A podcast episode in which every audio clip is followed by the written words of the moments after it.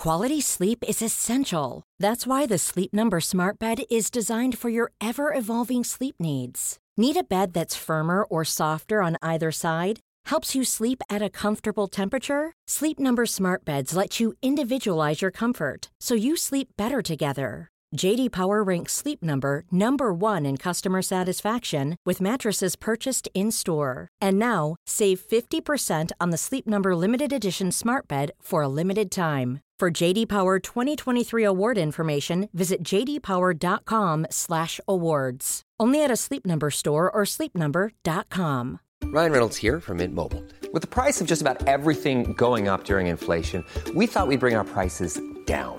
So to help us, we brought in a reverse auctioneer, which is apparently a thing. Mint Mobile unlimited premium wireless. Ready to get 30, 30, bit to get 30, bit to get 20, 20, 20, bit to get 20, 20, bit to get 15, 15, 15, 15 just 15 bucks a month. So, Give it a try at mintmobile.com slash switch. $45 upfront for three months plus taxes and fees. Promo rate for new customers for limited time. Unlimited more than 40 gigabytes per month. Slows. Full terms at mintmobile.com. Many of us have those stubborn pounds that seem impossible to lose, no matter how good we eat or how hard we work out. My solution is PlushCare. PlushCare is a leading telehealth provider with doctors who are there for you day and night to partner with you in your weight loss journey. They can prescribe FDA-approved weight loss medications like Wagovi and Zepbound for those who qualify. Plus, they accept most insurance plans. To get started, visit plushcare.com slash weight loss. That's plushcare.com slash weight loss. Palmemordet, Palmemordskonferensen 2024. Sveriges statsminister Olof Palme är död. 90 000. Ja, det är mord på Sveavägen. Hörde de säger att det är Palme som är skjuten. Mordvapnet med säkerhet är en Smith Wesson, en revolver kaliber .357. Inte ett svar. Det finns inte ett svar. För jag har inget. Och jag har inte mördat Varför skulle jag Polisen söker en man i 35 till 40-årsåldern med mörkt hår och lång mörk rock. Välkommen till podden Palmemordet som idag görs av mig, Dan Hörning. Och mig, Cornelia Boberg. Hej Cornelia! Hej Dan!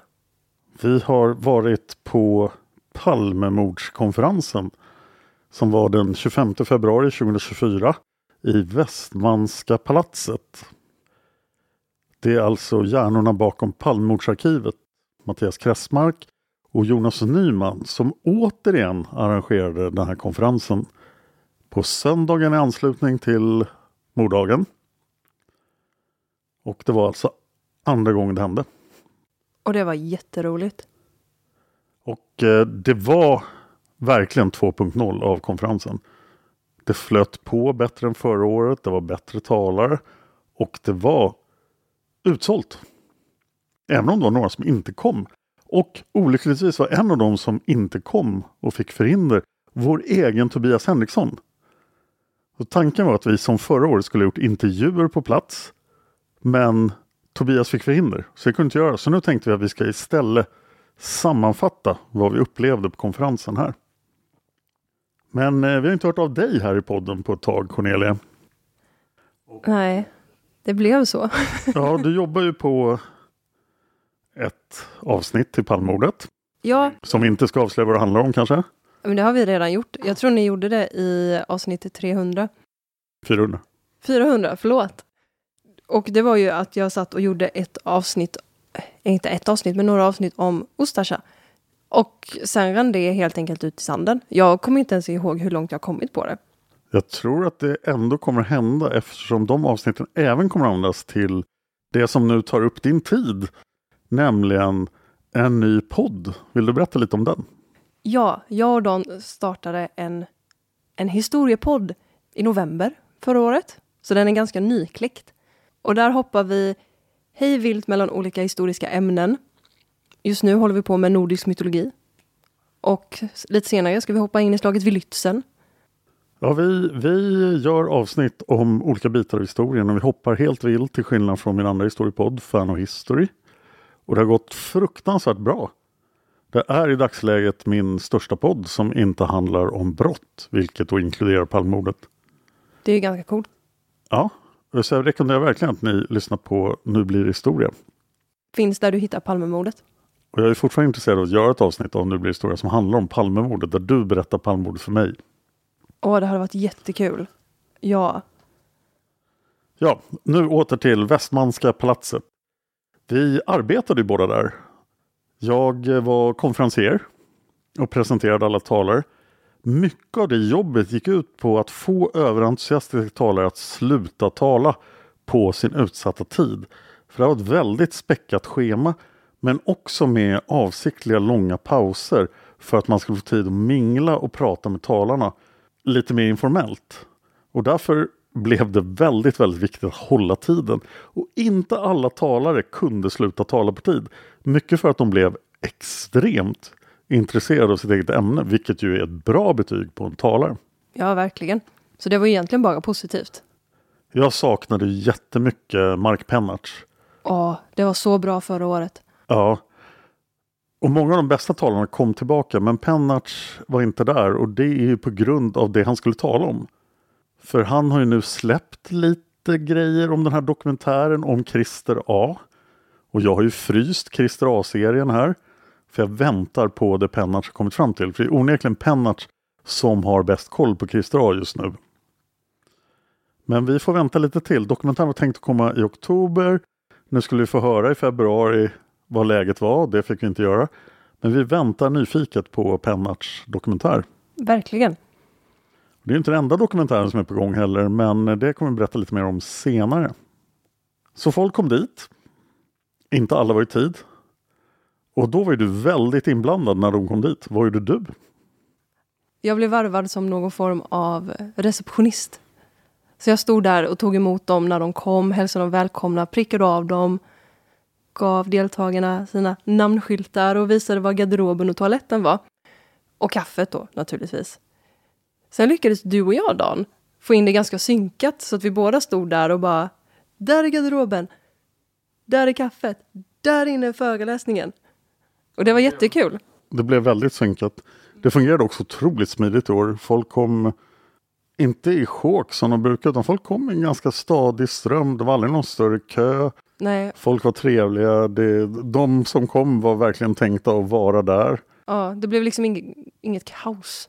Allt var ohyggligt väl organiserat. Och sen var det då dags för ett välkomsttal från mig, Jonas Nyman och Mattias Krasmark. Och efter det så intog scenen av Gunnar Wall. Och eh, han behöver ju ingen presentation här i podden direkt. Och han pratade mycket om eh, militär skymningsverksamhet och politisk mörkläggning kring Palmemordet. Och det var ju mycket från eh, rättsskandalen Olof Palme som han även sålde på plats. Såg du hur det gick med försäljningen?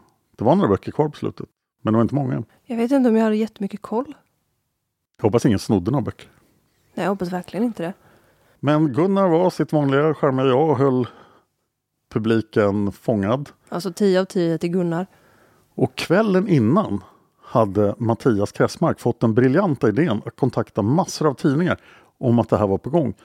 Och en väldigt stor tidning blev intresserad och skickade en reporter. Det var Svenska Dagbladet som skickade Klara Matsdotter som omedelbart skrev en artikel om Palmemordskonferensen. Och den här artikeln gick när vi spelade in det här och läsa men den kommer förmodligen hamna bakom betalvägg på Svenska Dagbladet. Men eh, ja. Inte just nu. Nej, det kändes ju som att hon hade en lite, vad ska man säga, hon betraktade det som kuriosa att en massa lite kufiga människor samlades och pratade om Palmemordet. Men det var ändå en ganska lång artikel. Hon fick med mycket vettiga synpunkter. Ja, verkligen. Vi har både med artikeln och flera besökare och talarna fick också uttala sig. Mm. Men sen gillar jag inte ordet privatspanare. Nej, jag... Och jag vill inte se som en privatspanare heller. Ja, du blev ju kallad påläst privatspanare. Ja. Och jag blev bara kallad besökare. Och podden blev inte nämnd. Men det blev ändå en ganska bra artikel tycker jag och det var kul att den fick så mycket utrymme. Ja, och att alltså bara grejen att en tidning har snappat upp det här och skickat en reporter, det är väldigt coolt. Min känsla är att allt som berör Palmemordet i pressen är bra. Eftersom intresset för fallet är så lågt nu.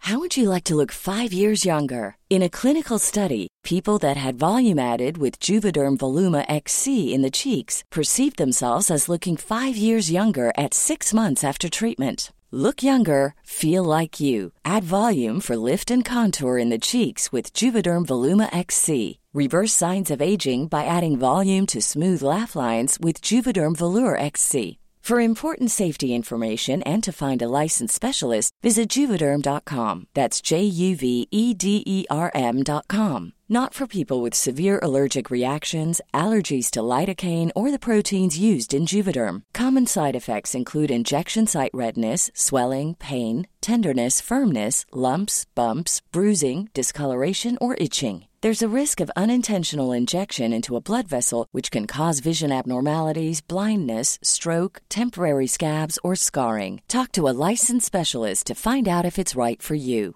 How would you like to look five years younger? In a clinical study, people that had volume added with Juvederm Voluma XC in the cheeks perceived themselves as looking five years younger at six months after treatment. Look younger, feel like you. Add volume for lift and contour in the cheeks with Juvederm Voluma XC. Reverse signs of aging by adding volume to smooth laugh lines with Juvederm Volure XC. For important safety information and to find a licensed specialist, visit juvederm.com. That's J U V E D E R M.com. Not for people with severe allergic reactions, allergies to lidocaine, or the proteins used in Juvederm. Common side effects include injection site redness, swelling, pain, tenderness, firmness, lumps, bumps, bruising, discoloration, or itching. There's a risk of unintentional injection into a blood vessel, which can cause vision abnormalities, blindness, stroke, temporary scabs, or scarring. Talk to a licensed specialist to find out if it's right for you.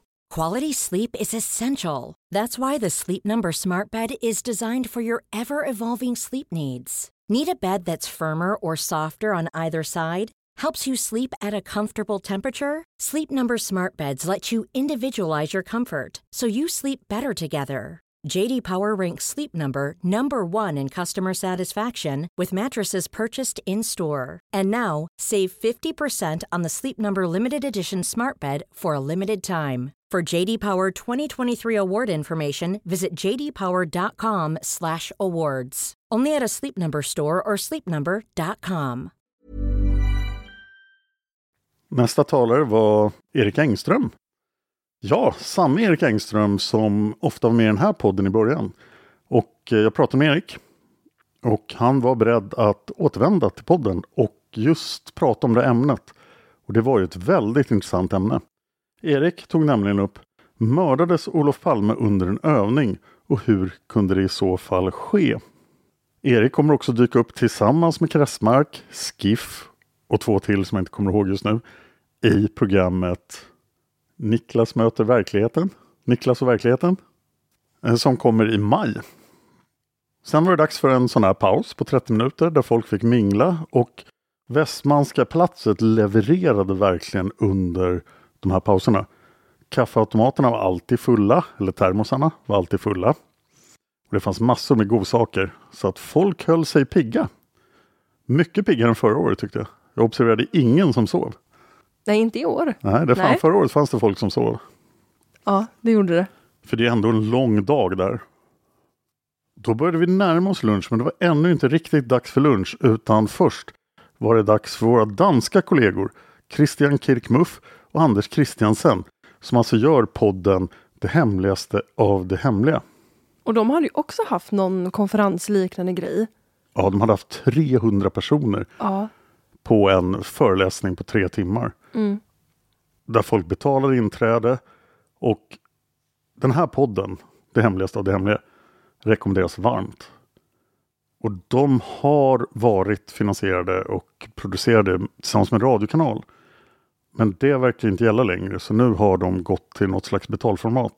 Men de har gjort många, många avsnitt och det berör huvudsakligen Palmemordet, Stay Behind och liknande strukturer på 80-talet i Danmark men även i Sverige.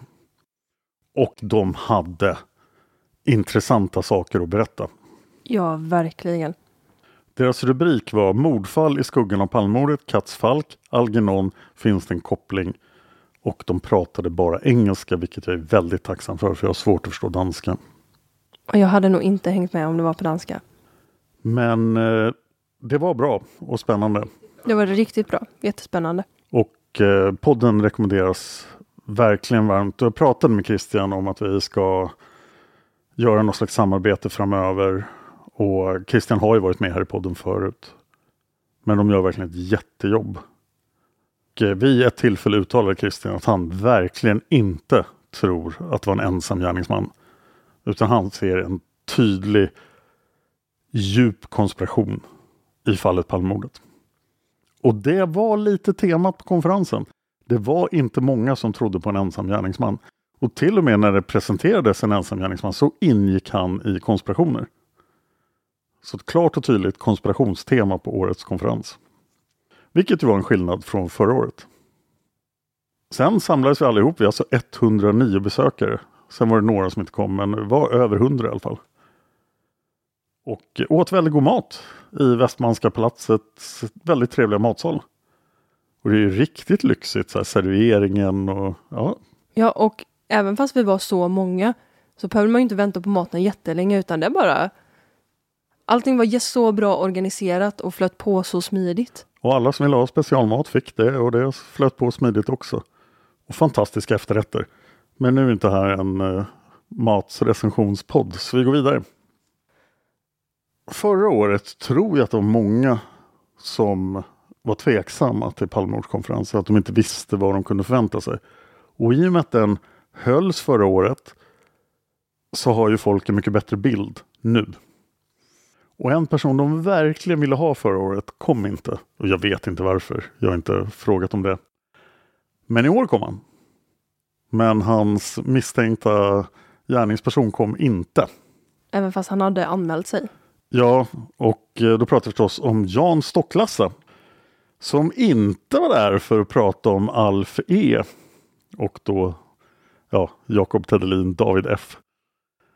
Eller David Fridin har ju sagt att han heter i podden också, så det kan vi väl säga nu. Men David Fridin kom inte.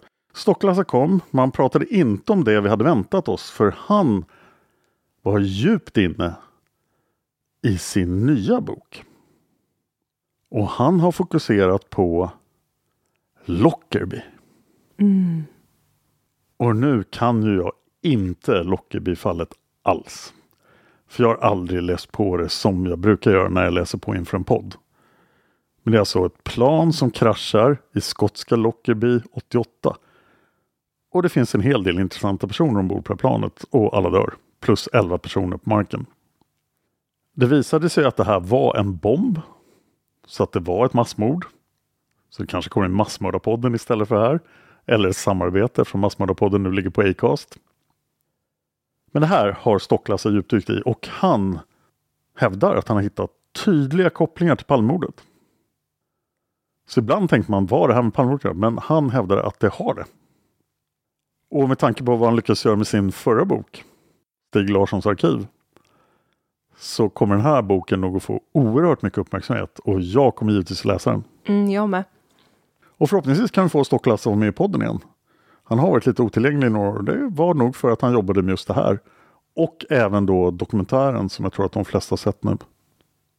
Han var också noggrann med att prata om att eh, han inte var den som fattade besluten i dokumentären. Och att i en dokumentär kan man förstås inte förmedla lika mycket information som man kan i en bok. Och han nämnde specifikt vapenhandeln som aldrig nämndes i dokumentären. Men som finns med ordentligt i Stig Larssons arkiv. Nästa talare var Mattias Davidsson. Som pratade om ett ämne som vi ännu inte har tagit upp i podden och jag jagar honom nu faktiskt för att göra det. Och det är ju den superintressante GF. Christer A är ju GA. För att han var en av de åtta intressantaste personerna som gärningsmannaprofilen hittade i utredningen. Eller gärningsmannaprofilgruppen hittade i utredningen. Om GF har vi inte vetat så mycket innan förundersökningssekretessen släppte 2020. Han heter ju Thomas T och är tydligen numera avliden. Ganska nyligen. Ja, 2022. ja, och det visste vi inte om vid den förra konferensen som alltså var i februari 2023. Men det kom fram betydligt mer saker om GF nu och jag tror att det är ett ämne vi måste ta upp här i podden.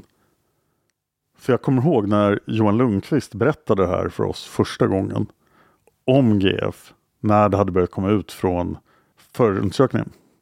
Och han är verkligen hyperintressant. Och den här bilden har satt sig på min näthinna. Och den när han står där i och håller upp revolvern och någon batong. Ja, Nej, To- basebollträ var det. Thomas T, nej det, det är en batong. Ja, ja. Ja. Thomas T går runt och ser ut som en parodi på en moderat från 1985, för jag tror att bilden är tagen 85. Han går på Kungsholmssidan mot Centralen. Alltså där på Kungsholms strand. Han är klädd i en grå rock och han håller en 357 Magnum i sin högra hand och en batong i den andra handen och ser verkligen ut som att han är ute och jagar socialdemokrater. Och det här är en bild han har tagit för att det är, det är så roligt att ta den. Han gör verkligen jättemycket underliga saker. Så igår kväll började jag läsa in mig på Thomas T. Och det är verkligen hur intressant som helst. Han är konstnär, han gör så mycket underliga saker. Han har flera lägenheter och eh, lokaler som han jobbar i. Och bland annat då på Västerlånggatan 1986. Så han sticker ut nästan på samma sätt som Christer A, tycker jag. ja, verkligen. Så mer om det i podden sen. Och sen blev det verkligen podden Palmemordet. Och inte på grund av dig eller mig utan på grund av Johan Lundqvist som ni har hört här i podden väldigt många gånger. Och han körde i princip den kortare versionen, nu fick han bara en halvtimme på sig, av avsnitt 122 av den här podden. Yvonne och den springande mannen. Alltså tiderna och hur de beror på piketpoliserna, Yvonne och Lars. Och hur de rör sig på åsen och man kan dra för slutsatser av tiderna. Och han gjorde det riktigt, riktigt snyggt. Ja, då vill jag påminna om att avsnitt 122 har en video på vår Youtube-kanal fortfarande. Där man kan se lite tydligare. Inte lika bra som den presentationen han höll nu. Och det väcker ju frågan, hur kan man se de här presentationerna? Förra året var tanken att alla talare skulle skicka sina presentationer till Mattias Kressmark och sen skulle han lägga ut dem. Men ingen gjorde det. Så det finns inga presentationer från förra året ännu, men det kanske går att lösa i efterhand. Och nu är tanken igen att talarna ska skicka sina presentationer. Så om du lyssnar på det här och var en talare, skicka din presentation till Mattias Kressmark, snälla. Jag tycker att Johan var väldigt diplomatisk. Han reserverar sig ofta och gör inga antaganden utan tittar på fakta. Men en som invände vid det här var ju Henry Söderström. Gösta Söderströms son. Som ni kanske också kommer att få höra i podden framöver. För jag frågade honom 2018 om han ville vara med i podden, men det ville han inte då. Men nu har han sagt ja. Och Henry var nog fortfarande inne på att Gösta Söderströms tid stämde. Och Johan visade att eh, det blir väldigt komplicerat om Gösta Söderström har rätt. Och det finns väldigt mycket som tyder på att Göstas tid kanske inte är korrekt. Men det upptog en del av det här föredraget. Efter det blir det återigen paus. Och sen var det dags för kanske en av de mest efterlängtade talarna. En person som inte var där förra året eh, som talare. Han var där som besökare. Och Mattias Kressmark visste inte riktigt vad han tänkte säga. Och då pratar jag förstås om Lars Borgnäs. Så Borgnäs går upp på scenen. Han har ingen powerpoint. Han behöver ingen powerpoint. Nej, Borgnäs behöver ingen powerpoint. De fortsätter köra den här slingan som Otto hade gjort i bakgrunden. Och den var ganska bra. Den faktiskt illustrerade vad Borgnäs sa ganska bra. Mm. För det var bilder från rekonstruktioner på mordplatsen. Och sen tar Borgnäs fram ur sin väska en 357 Magnum. Det var så roligt. och börjar vifta med den. Samtidigt som han säger jag har kollat upp om det här är lagligt. och om någon av er känner er hotade så måste jag ta bort den här. Dessutom förklarar han ju att revolvern var plast. Och man såg ju direkt när den rörde någonting eller när han rörde den att den inte var så tung som den borde ha varit. Men han stod och viftade med revolvern på ett sätt som höll alla vakna. Ja, verkligen. Ma- Man blev lite så här, vänta, vad händer? Ja, man vaknade verkligen till och lyssnade på vad han sa. Ja, Och när, när pipan kom mot den så blev man ändå lite, det var lite obehagligt. så Borgnäs, vad ska du göra nu? Men det var en mästerlig föreläsarteknik. Ja, verkligen. Man vill ju lyssna på killen som har revolvern i handen. Ja, men de pratade ju om det i en senare för- föreläsning. Den här wow moment. Nej, de kallar, vad kallar de det? Ofanism. Va? Ofanism ja. Ja, ofanism. Och det blev så här, bara, åh fan, vad händer nu? Ja, en ofanism är alltså en, eh, någonting som får en att säga åh fan. Mm. Och väcker ens intresse. Och någonting också som man kan berätta vidare. Precis som jag berättar vidare nu. Att Borgnen stod och viftade med en 357 Magnum. Mm. Så det funkade? Och det gjorde han. Hans föreläsning hette Palmemordet från ett annat perspektiv. Och det handlade en hel del om Säpo. Och Arne Ivrells anteckningar som ju Borgnäs har fått ta över. Det handlade också om en vänsterhänt skytt och att det första skottet gick mot Lisbeth. Men det var ett riktigt bra föredrag. Ja, och han kunde ju då demonstrera med, eh, med pistolen och för han hade med sig en vante också. Ja. Ja, han började måla upp mordplatsen i föreläsningssalen. Vanten var Olof Palme och så pistolen och så höll han på att skjuta med den. Och, Mm. ja, väldigt fiktivt då, men den var inte ens så att den kunde smälla. Och efter Borgnäs klev Simon upp. För vi kallade honom bara Simon när han var med här i podden. Och då pratar jag förstås om hjärnan bakom VPU. Den här fantastiska informationssidan om Palmemordet. Och samme Simon som tillsammans med Johannes Finnlaugsson hittade vägsaltsmannen. Men nu vet vi att han heter Simon Lundell. För det är vad det står i schemat. Simons ämne var effektiv research och jag önskar verkligen att han hade fått mer tid. För varenda slide han presenterade var saker som alla som är intresserade av Palmemordet borde känna till. Men det här var alltså gratis programvaror för att hantera sin egen information. Och Simon hade järnkoll på det. Han var en effektivitetsexpert. Och allting bara fladdrar förbi så fort. Så den här föreläsningen och den här powerpointen är nog nästan den jag helst vill få ut från Palmemordskonferensen. För att det var verkligen, man hann inte med. Det var så jättemycket bra information under kort tid. Och efter allt det här var det nog dags för den absolut skickligaste föreläsaren av alla. Tv-producenten, programledaren och författaren Melker Becker. Som jag haft nöjet att träffa tidigare när vi var på AV på Podme.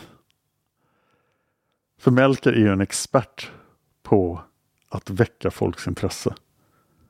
Och alla satt och var trötta. Nu, nu pratar vi alltså runt halv fem efter en hel dag av föredrag. Så väckte han liv i rummet utan att använda sig av något vapen. Och hans ämne var Palmemordsgruppen. Och det sa ju oss ingenting. Men sen började vi förstå vad det handlade om. Och det här är en pilot till en dokumentär. Det är den andra dokumentären jag tänkte prata om. Och det var en fyra minuter trailer. Som då skulle göra produktionsbolag intresserade av att göra den här dokumentären. Det har tydligen redan hänt. Så jag fick intrycket att det redan finns produktionsbolag som gör den här dokumentären. nu. Och Palmemordsgruppen handlar om, hur många var de? Fyra eller fem? Forskare och Palmemordsintresserade som använder den senaste tekniken för att bearbeta Palmemordsarkivets information. Och man kan ju bara fundera över vad som skulle hända om de fick tillgång till hela Palmeutredningen. För vi fick reda på förhållandet mellan Palmemordsarkivet och Palmeutredningen. Det finns 30 000 sidor information i Palmemordsarkivet. Och det finns 500 000 sidor i Palmeutredningen. Vi har alltså tillgång till 6% av utredningen nu. Men allt det här har den här gruppen, vilket inkluderar Jonas Nyman, arrangören för Palmemordskonferensen och en av dem som sköter Palmemordsarkivet. Och Jonas är ju forskare. Så de har tagit den senaste tekniken och använt på den här informationen. Och då pratar vi förstås om AI. Och det här såg ju väldigt lovande ut. De har redan fått ut saker som Palmeutredningen aldrig har sett. De har fått kontakt med nya personer som har gett nya uppgifter som aldrig har pratat med Palmeutredningen. Och det här var verkligen ett perfekt sätt att avsluta allting för det gav ett så stort hopp inför framtiden. Nu används helt nya tekniker som Palmeutredningen aldrig hade tillgång till. Eftersom AI-explosionen har gått så fort. Och det har kommit så mycket nya tekniker för att hantera information sedan 2020. Så här blev man bara oj, det kanske går att lösa ändå. Det kanske finns en väg framåt. Och jag tyckte det var mäktigt. Ja, jag håller med. Men det var inte slutet på konferensen. Utan här blev det en till bensträckare och sen hade Mattias och Jonas en öppen slutpunkt där man skulle få ställa alla frågor man ville. Punkten hette avslutning, diskussion, frågor till talarna, allmän debatt. Och det blev verkligen bra. De berättade att de var beredda att göra det här igen. Så det blev från en Palmemordskonferens 2025. De berättade hur ekonomin såg ut och redovisade alla siffror. Och att de inte tjänar några pengar på det här. De berättade också hur ekonomin såg ut för Palmemordsarkivet. Och det finns definitivt resurser för att finansiera fler dokument utlämnade. Så att vill du hjälpa Palmemordsarkivet att få ut dokument så kommer de ersätta dig för dina kostnader. Men gå till eh, Facebookgruppen Palmemordet FUP och övriga handlingar. Och de behöver förstås hjälp med det fortfarande. Men det går bra. Och Kressmark hade en annan utläggning om AI där han beskrev att nu med AI skulle man kunna bygga en han beskrev det som en kompis som har läst hela Palmeutredningen, allting som har kommit ut och kan svara på frågor om det. Och då tänkte jag direkt på vår kompis Johan Lundqvist. För han fungerar ungefär så. Men jag tror nog att AI, en välfungerande AI skulle kunna slå Johan i att komma ihåg detaljer om Palmemordet. Säg inte det. Inte än, men snart kan nog AI vara där. Att ha hundra Palmemordsintresserade i ett rum och försöka ha en allmän debatt. Det kunde ju bara sluta på ett sätt. Och folk var trötta. Jag hörde Conny Larsson nämnas. Teatermordet kom upp. Och sen öppnade baren. Så det slutade med att jag, Johan och Cornelia och några andra som inte ville bli inblandade i de diskussionerna gick ut i baren.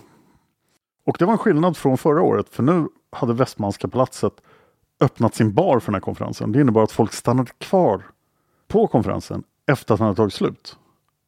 Och det var en, det var en enorm skillnad från förra året. Mm. Och det blev mingel och det var jättetrevlig stämning. Och då hade man mer tid att prata med varandra. Ja, verkligen. Och eh, man fick tillfälle att prata med många av er lyssnare. Och det var jättekul. Ja, så eh, speciell hälsning till alla vi pratade med som lyssnar på podden.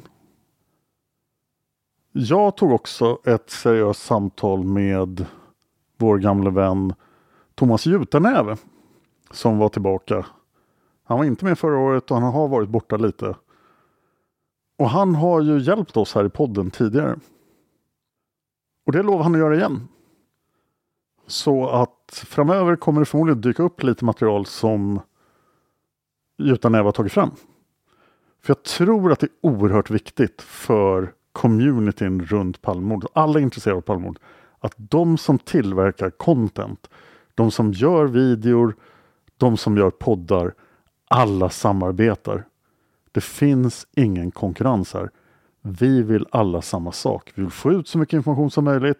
Vi presenterar så mycket information som möjligt. Vi vill få så många som möjligt intresserade av Palmemordet. Och till slut vill vi alla naturligtvis lösa Palmemordet, även om det verkar vara väldigt, väldigt svårt idag. Men nu fick jag ju hopp. Och det var länge sedan jag hade. Åh. Ja. Ja. AI och Palmemordsgruppen. Det kan vara nyckeln framåt. Sen drog vi vidare till Urbandelli som ju ligger precis vid mordplatsen. Och där fortsatte vi efter att Västmanska platset hade stängt sin bar. Och då pratade med ytterligare en kreatör som gör Palmemordet-innehåll på Youtube. Och jag vet ju hur svårt det är att göra Palmemordet-material varje vecka. Och vi har ju haft reprisveckor här. Vi siktar på att den här podden ska fortsätta kunna komma ut varje vecka under överskådlig framtid. Och det finns ju de som har skapat väldigt mycket Palmemordsrelaterat innehåll av vilket mycket har varit bra. Och en av dem är Otto Ekevi som vi har haft med här i podden och som på senaste tiden verkligen har blivit jätteduktig. Jag tycker han har jättemycket bra saker. Han håller på med Christer A just nu. Så vill ni ha färskt Christer A-innehåll så, så gå till Ottos Youtube-kanal som heter Ottos Insight. Och vi har diskuterat ett samarbete så det är mycket möjligt att Otto dyker upp här i podden framöver. I egenskap av poddmakare. Det ska bli kul. En avgörande sak var att han, han pudlade ju om matte. Och delar numera podden Palmords åsikt om mattes avslöjande. Vilket, och den åsikten förklaras ju väldigt väl av Tobias i de avsnitten. Så det var Palmemordskonferensen 2024. Jag ger den dagen 10 av 10. Ja, jag också. Ja, det var så roligt. Och förra året var det ju verkligen tveksamt om det skulle hända igen. Mm. Men jag är så glad att det blev i år igen. Och det känns inte som det finns någon tvekan nu, men det är förstås det är upp till två eldsjälar att organisera det här. Och det är ju Jonas Nyman och Mattias Kressmark. Och de gör ett otroligt jobb. Och vi vet ju hur svårt det här är att göra. Men det tror jag inte alla vet. Jag tror inte alla förstår hur mycket tid och arbete som Jonas och Mattias lägger ner på Palmemordsarkivet och på den här konferensen. En av dem hade varit otroligt krävande, men de gör alltså båda två. Det är helt otroligt. Så ett enormt tack till Jonas Nyman och Mattias Kressmark. Ja, tack så jättemycket. Och det blev ju succé i år igen. Ja, det blev det verkligen. Och vi diskuterade lite hur man skulle kunna utveckla men jag tror att vi kom fram till att det kommer bli ett liknande format nästa år. Mm. Och så här dagen efter, för det var igår, så känner jag att det skulle kunna vara två dagar. Det skulle kunna vara två eller tre föreläsningssalar. Och olika spår då som man är tvungen att välja som på stora konferenser. Fast man hade ju velat gå på allt. Ja, det hade man ju. Ja, jag hade inte kunnat välja. Eller i och för sig beroende på, men jag hade ju velat gå på allt. En annan gäst som jag verkligen blev frustrerad över att vi inte hade Tobias där var Inga-Britt Ahlenius från Granskningskommissionen. Mm. Hon var med på andra halvan av konferensen. Hon är alltså 84 år gammal jag förstår nu. Mm. Hon var oerhört skärpt och bidrog en hel del i den sista diskussionen. Mm. Så fantastisk insats av Inga-Britt. Ja, verkligen. Ja, det var allt vi hade från Palmemordskonferensen och nästa år ska vi se till att verkligen göra lite intervjuer och sådär. Men det blev ju väldigt olycksamt den här gången. Ja, tyvärr. Så bättre tur nästa år. Och jag tror också kanske att det kommer att bli ett problem att Västmanska palatset tar ju inte så många fler människor. Så konferensen kan inte bli så mycket större. Jag tror intresset kanske kommer bli jättestort. Nu sålde det slut på ingen tid alls. Men det kanske också blir lättare om det inte är, alltså blir det 500 pers så kan det ju bli svårt att hålla allting så pass organiserat som det var. Ja, men jag tror kanske 200, men det går inte i de där lokalerna. Så de måste ha andra lokaler. Och de ligger ju väldigt bra till. Ja, nära mordplatsen. Och sen så är ju liksom lokalerna, de är stora, de är fina. Det är lättillgängligt att ta sig överallt så att det passar väldigt bra för ett sånt här arrangemang. Ja, på 90-talet organiserade man ju sådana konferenser i ABF-huset och det blir lite mer skola-känsla. Mm. Och inte samma flärd om man säger så. Om du tycker om den här podden får du gärna vara med och sponsra den på Patreon. Patreon.com, ni kan allt det där. Gå gärna in och lyssna på Nu blir det historia. Ja, det tycker jag verkligen ni ska göra. Ska vi dra lite avsnitt som vi har gjort i den nya historiepodden? Ja, det kan vi ju göra. Ja, har, vad tycker du bäst om? Åh, vilken svår fråga. Jag blev väldigt nöjd över dinosaurieavsnitten, alltså när vi pratar om dagen då dinosaurierna dog. Ja, det här är ju nästan, jag har pratat om mycket hemskheter i mina poddar, men det finns ju ingen värre dag i den senaste miljarden år av jordens historia än den här dagen i maj som man nu vet att det var. För 65-66 miljoner år sedan när då en 10 kilometer stor sten träffar Mexiko. Ja, typ strax utanför den mexikanska golfen. Ja, I golfen. Ja. Och dödar alla dinosaurier på hela planeten. Mm. Och man kan nu i ganska stor detalj beskriva den dagen och det har vi gjort i två avsnitt. Mm. Och även hur våra förfäder överlevde. De var inte så imponerande. Men de överlevde. Vi var någon slags förfaderråtta som gömde sig under, under marken och lyckades överleva. Ja, Eller och- primatförfäder. Ja, och vi var ju också då däggdjur. Så vi kunde värma upp oss själva, vilket dinosaurierna inte kunde. Så synd för dem.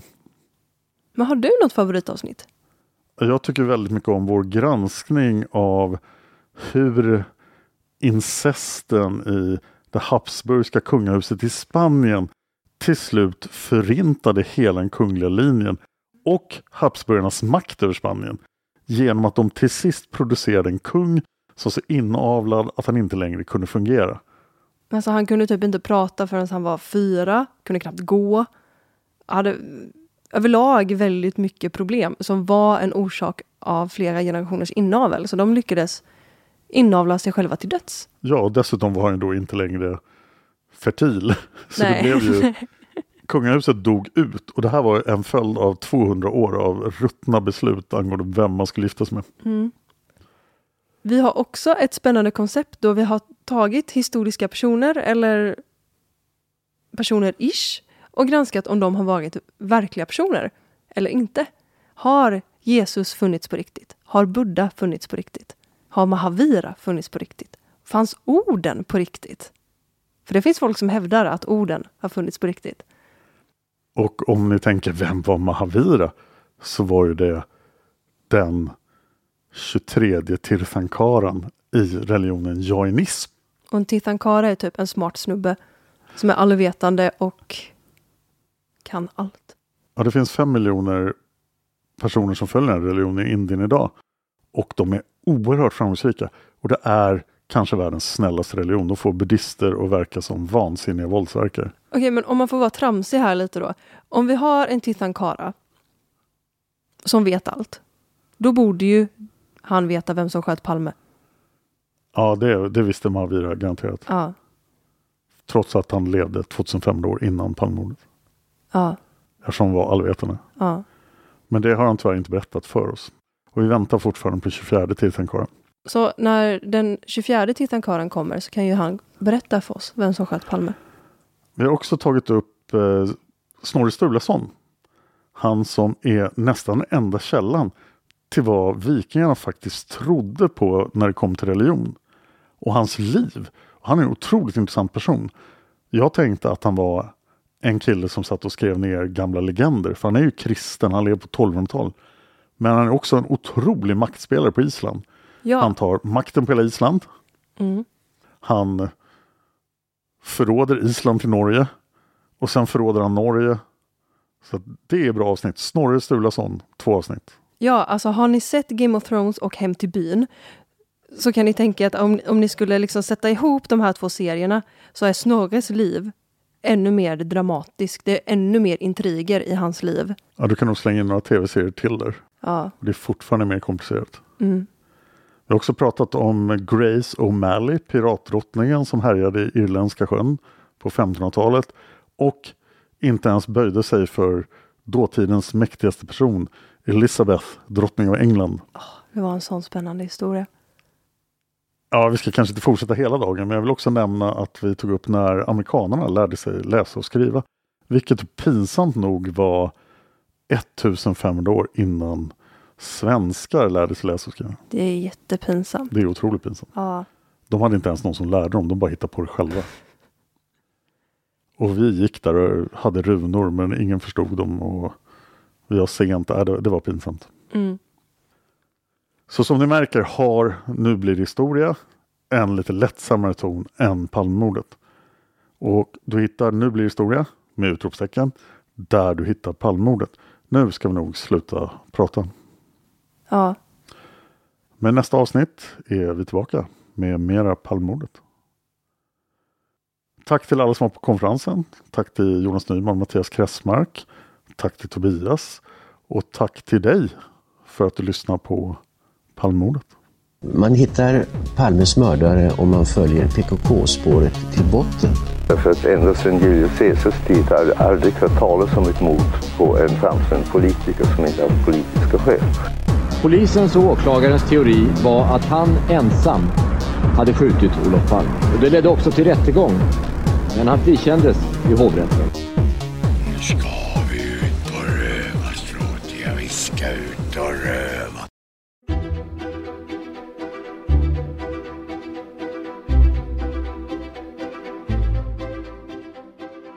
I en tid där åsikter alltmer fått överhanden på fakta är det svårt att veta vad som är sant eller inte.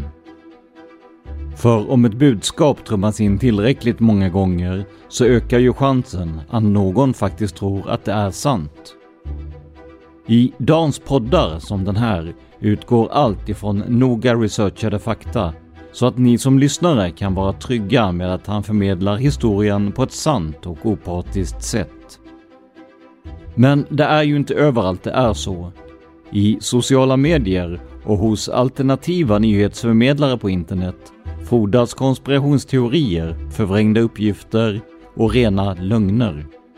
Oftast med ett syfte bakom, att sälja in en tanke, idé eller ideologi. För vem faktakollar egentligen en artikel om den verkar tillräckligt bra för att vara sann? Det är här jag kom in i bilden. Genom min egna podcast Tänk om har jag sedan 2019 granskat konspirationsteorier och myter om vitt skilda ämnen. En del är verklighetsnära och hade kunnat vara sanna. Andra teorier är ganska märkliga, men bidrar dels till en bra historia, dels till att öka förståelsen för hur en person kan tro på olika mer eller mindre fantastiska saker. Vi tittar på såväl svenska som utländska teorier och försöker ha med gäster som är experter på de ämnen vi pratar om. Bland de gäster jag har haft med finns den inte helt obekanta Dan Hörning som både pratat om Storsjö och djuret och seriemördare med mig. Så skaffa dig fakta på ett underhållande och lärorikt sätt. Sök på Tänk om i valfri poddapp och börja din kryssning mellan konspirationsteorier och fakta. För om kunskap är makt vill jag hjälpa er att bli ännu mäktigare. Jag heter Tobias Henriksson. Välkommen att lyssna på Tänk om.